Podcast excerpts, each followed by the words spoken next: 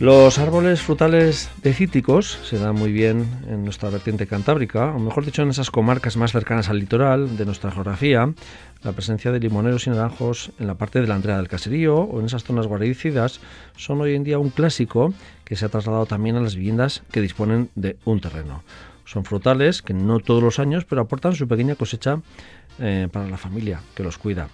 Pero desde inicios de este siglo estos árboles están amenazados por una plaga que adelanta su muerte. Está con nosotros Eli Bilaud, nuestra técnica agrícola, que nos va a acercar a este tema interesante porque sí es verdad que no es un cultivo fundamental en, nuestro, en nuestro sector eh, aquí vasco, pero sí es verdad que el que mes que menos eh, un limonero o un naranjo tiene en su casa.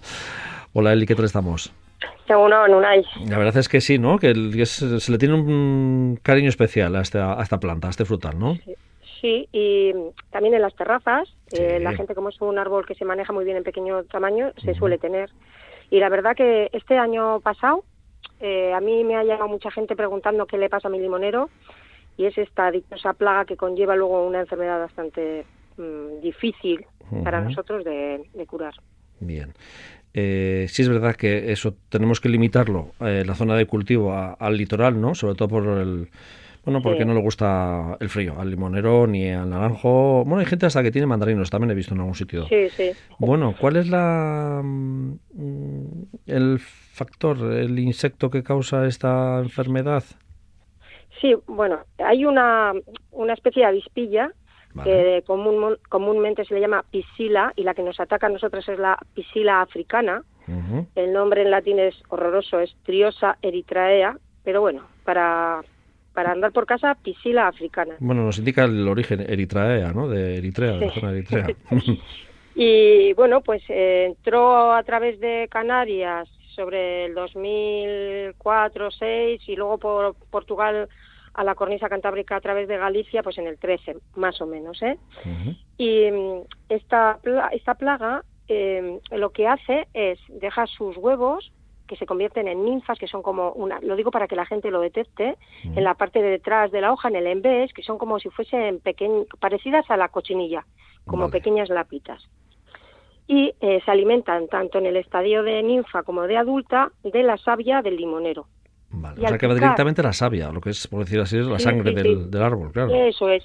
Y al picar, para succionar su alimento, la savia, primero introducen una toxina y luego dejan una microherida por la que entra una, una bacteria, también muy puñetera, que se llama Candidatus liberibacter, que bueno, que nos va a dar un poco igual, pero esta lo que hace es provocar una enfermedad, que sus siglas serían HDL, que es la que está generando muchísimo problema en los grandes cultivares, ¿eh? más en la zona de Galicia, Cantabria, aquí ya está llegando, bueno, aquí es que tenemos más anecdóticamente los limoneros en nuestras tierras. Sí, no es un elemento de, bueno, del que viva la gente habitualmente, vamos, simplemente los tienen mm. muchas veces para consumo, para casa, ¿no? Eh, suele ser o para dárselos al vecino o al, un poco decorativo. Eso, eso, mm. decorativo. Pero es verdad que se le tiene mucho aprecio y mucho cariño, de, toda la vida además, ¿eh? al, cítrico. Pero claro, es interesante también, si es un árbol que al que le tenemos cariño, pues eh, cuidarlo, ¿no? Sí, porque esta enfermedad te va a, a, cortar muchísimo su plazo de vida, su, su vida, y encima eh, va a tener, la vas a ver que se va deshojando, que no crece bien, los brotes nuevos se quedan pequeños. Eh, los limoneros también presentan solo una zona madura, que suele ser donde reciben la mayor insolación, y luego si la partes por la mitad el fruto, si lo abres, ves que el nervio está como eh, no está simétrico, no va por el centro. Y las pepitas desorganizadas dentro de la pulpa, de color muy oscuro, y además no, no, germinarían nunca, están muertas. y, poco a poco, pues eso, eh, veríamos manchas amarillas, irregulares, no sabemos si tiene alguna falta, alguna carencia de nutrientes, nos despista mucho la enfermedad. Manchas, dices, en la hoja, ¿no? Sí, como falta de col como Mm, amarillea eh, de formas asimétricas. Al principio, pues puedes pensar, nah, pues le faltará hierro o calcio, o quizás magnesio, no, no sabes muy bien.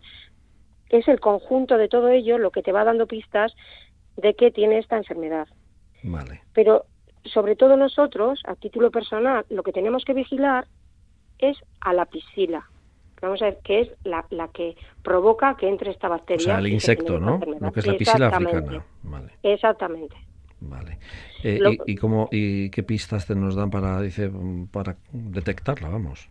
Pues mira, da bastantes pistas porque mucha gente que tenga limonero se va a dar cuenta de lo que le hablo. De repente las hojas están como llenas de bultitos o como hendiduras que se que en el en, en el envés que se abultan en el haz, ¿eh? como verruguitas huecas, vamos a decir. Vale. Todas, todas, todas, todas.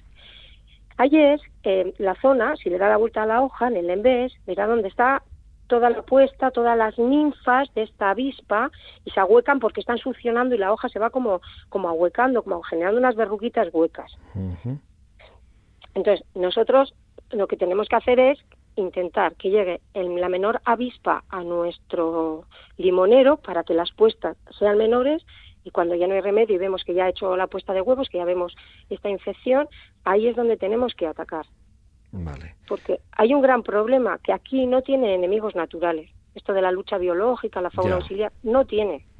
Están probando con alguna suelta de algún insecto que es parasitoide y tal, pero que tienen que tener cuidado, porque igual soltamos uno y este que soltamos luego nos genera un problema con nuestra propia fauna auxiliar. Entonces esto va muy lento. Vale. Eh, claro, de una vez que no detectamos esos bultos que nos estás comentando, esas verruguitas, eh, lo mejor que es cortar la hoja. Pues eh, lo que deberíamos hacer desde un punto de vista ecológico y, como de andar con, por casa. Si, si, lo pillamos a tiempo, donde vemos cortar y, y, quemar, pero sin moverlo mucho por si estás en una finca, nada de lo pongo en la carretilla, los recortes, me los llevo fuera, no, casi in situ para no movilizar el... Quemar los, los, las hojas o la rama que, esté afectada, ¿no? Sí, los, los brotecitos, normalmente se van a la parte más tierna, entonces los brotecitos, las hojas, las retiramos. Vale. Y después le damos una, un lavado pulverizado con jabón potásico, bien, bien, bien, bien, para que podamos, eh, alguna que caiga, que se suelte, pasa lo mismo un poco como con la cochinilla.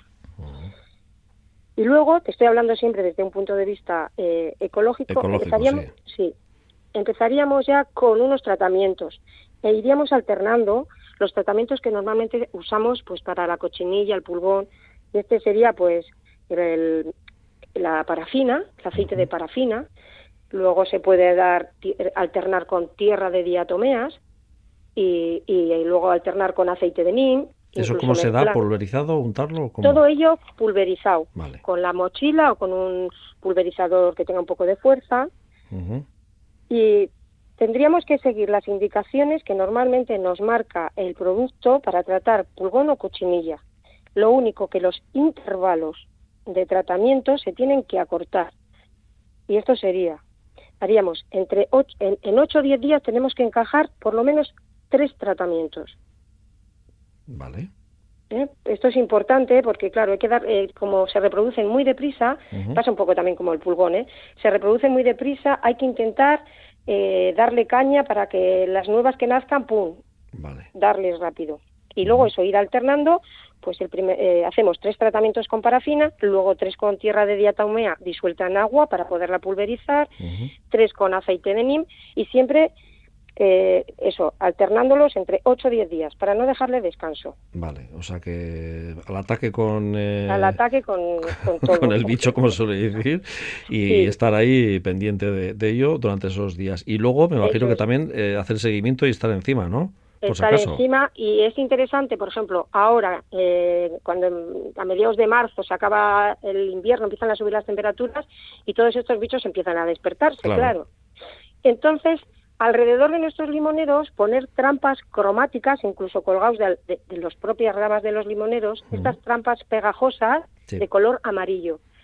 Nos va a indicar cuánto insecto se nos está acercando, pero a nosotros esto nos va a dar un poco igual. Lo que queremos es capturar el mayor número de adultos para evitar el mayor número de puestas. Sí. Es un poco como lo de las abejas y la la, la, avispa asiática, ¿no? Pillar las, las reinas antes de que...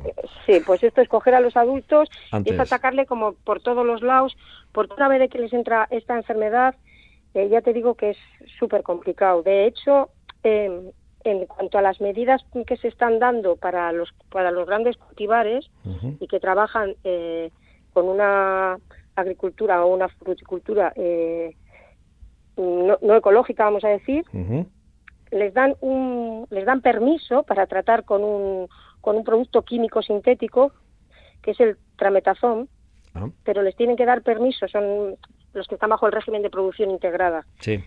Yo me imagino que si... Estos son grandes productores, ¿no? Me imagino. Eso es.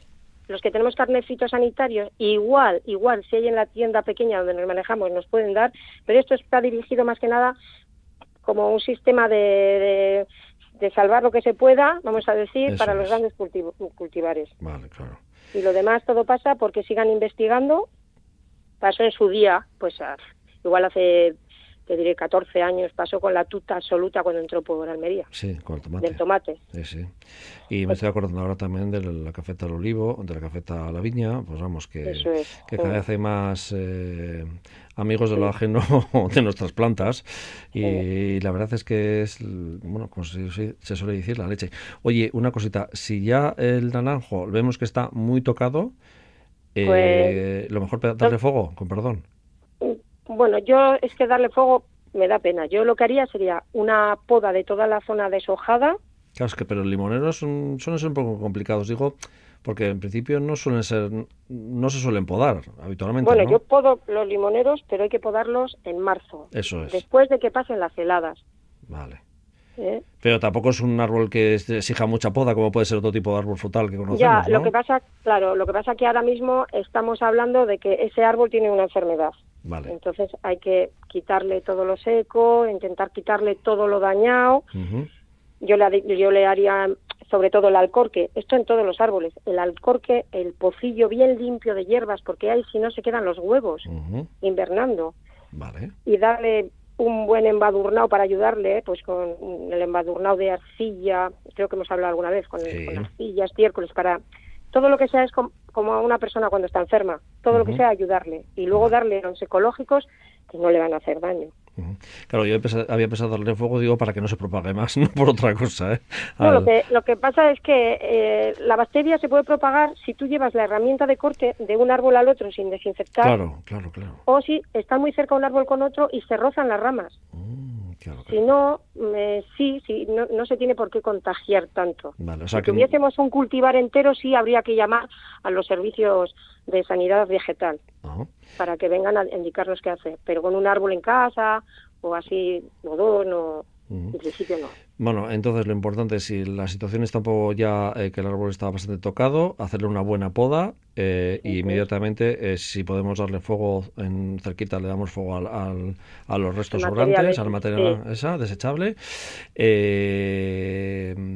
si lo tenemos en una terraza, pues eso, el fuego no podemos hacer, pero no lo echemos a la basura tampoco para no liarla, ¿no? Tampoco. Sí, bueno, lo, metes en es, no, orgánico no te dejan echar, ¿eh? Por eso te digo. Tienes que llevarla a, o a un contenedor especial o lo echas a la basura normal porque son cuatro ramitas. Vale, a eso vamos. Pues yo, por, por si acaso, por indicaciones, por si acaso. El eh, mayor problema que tenemos de que nos entren este tipo de plagas y por mm. ende este tipo de enfermedades es que yo siempre incido en ello cuando doy cursos y así, cuando vayamos a comprar material vegetal, sobre todo árboles, hay que cerciorarse de dónde se compra ir a viveros que estén en regla. Los árboles, todos con su pasaporte fitosanitario. Son unos, unas pegatinas así que les ponen alrededor del tronco azul o, amarillas, donde pone todo, quién lo ha, producido, quién lo ha producido, quién lo ha injertado todo. Mm. ¿Qué pasa? Hay mucha gente por ahorrarse cuatro duros o porque no sabe, va a comprar a grandes superficies donde mm, o, a otros sitios donde no hay un control, nos vienen de fuera, o incluso gente que se va de vacaciones y se trae su arbolito y se trae sus cosas. Mm. Esto no. Y te traes otras cosas también, además. Hay que traerse una postal, sí, o un imán. Sí. Pero las plantas que las traigan que pasando todos los controles que tienen que pasar y que haciendo todas las cuarentenas que, tienen que hacer. Porque bastante se nos cuela, pues a veces en los, en los contenedores, mm. estos de, que vienen en los barcos y tal, bastante se cuela así. Por eso. Pero bueno. Bien, bien, bien. Bueno, pues eh, bueno, la piscila africana que otro insecto que ha llegado a nuestra vida. Para quedarse. Para quedarse, sí, mira, iba a decir. ha llegado para quedarse. Sí, sí, como muchos otros que están llegando y que están afectando a otros. Sí, es verdad que en este ámbito lo bueno que tiene es bueno que pues que no tenemos en nuestro entorno gente que viva de los limones y los naranjos pero el que vive más al sur, pues eh, no tengo más que pensar cuando aterriza en su naranjal o en su limonero y además cómo está el precio de las naranjas y que cómo está la situación de mm. las naranjas. Pero bueno, nosotros... Me imagino que la zona de Valencia estará muy alerta, porque yo por lo que tengo entendido todavía no ha llegado, que estará muy alerta.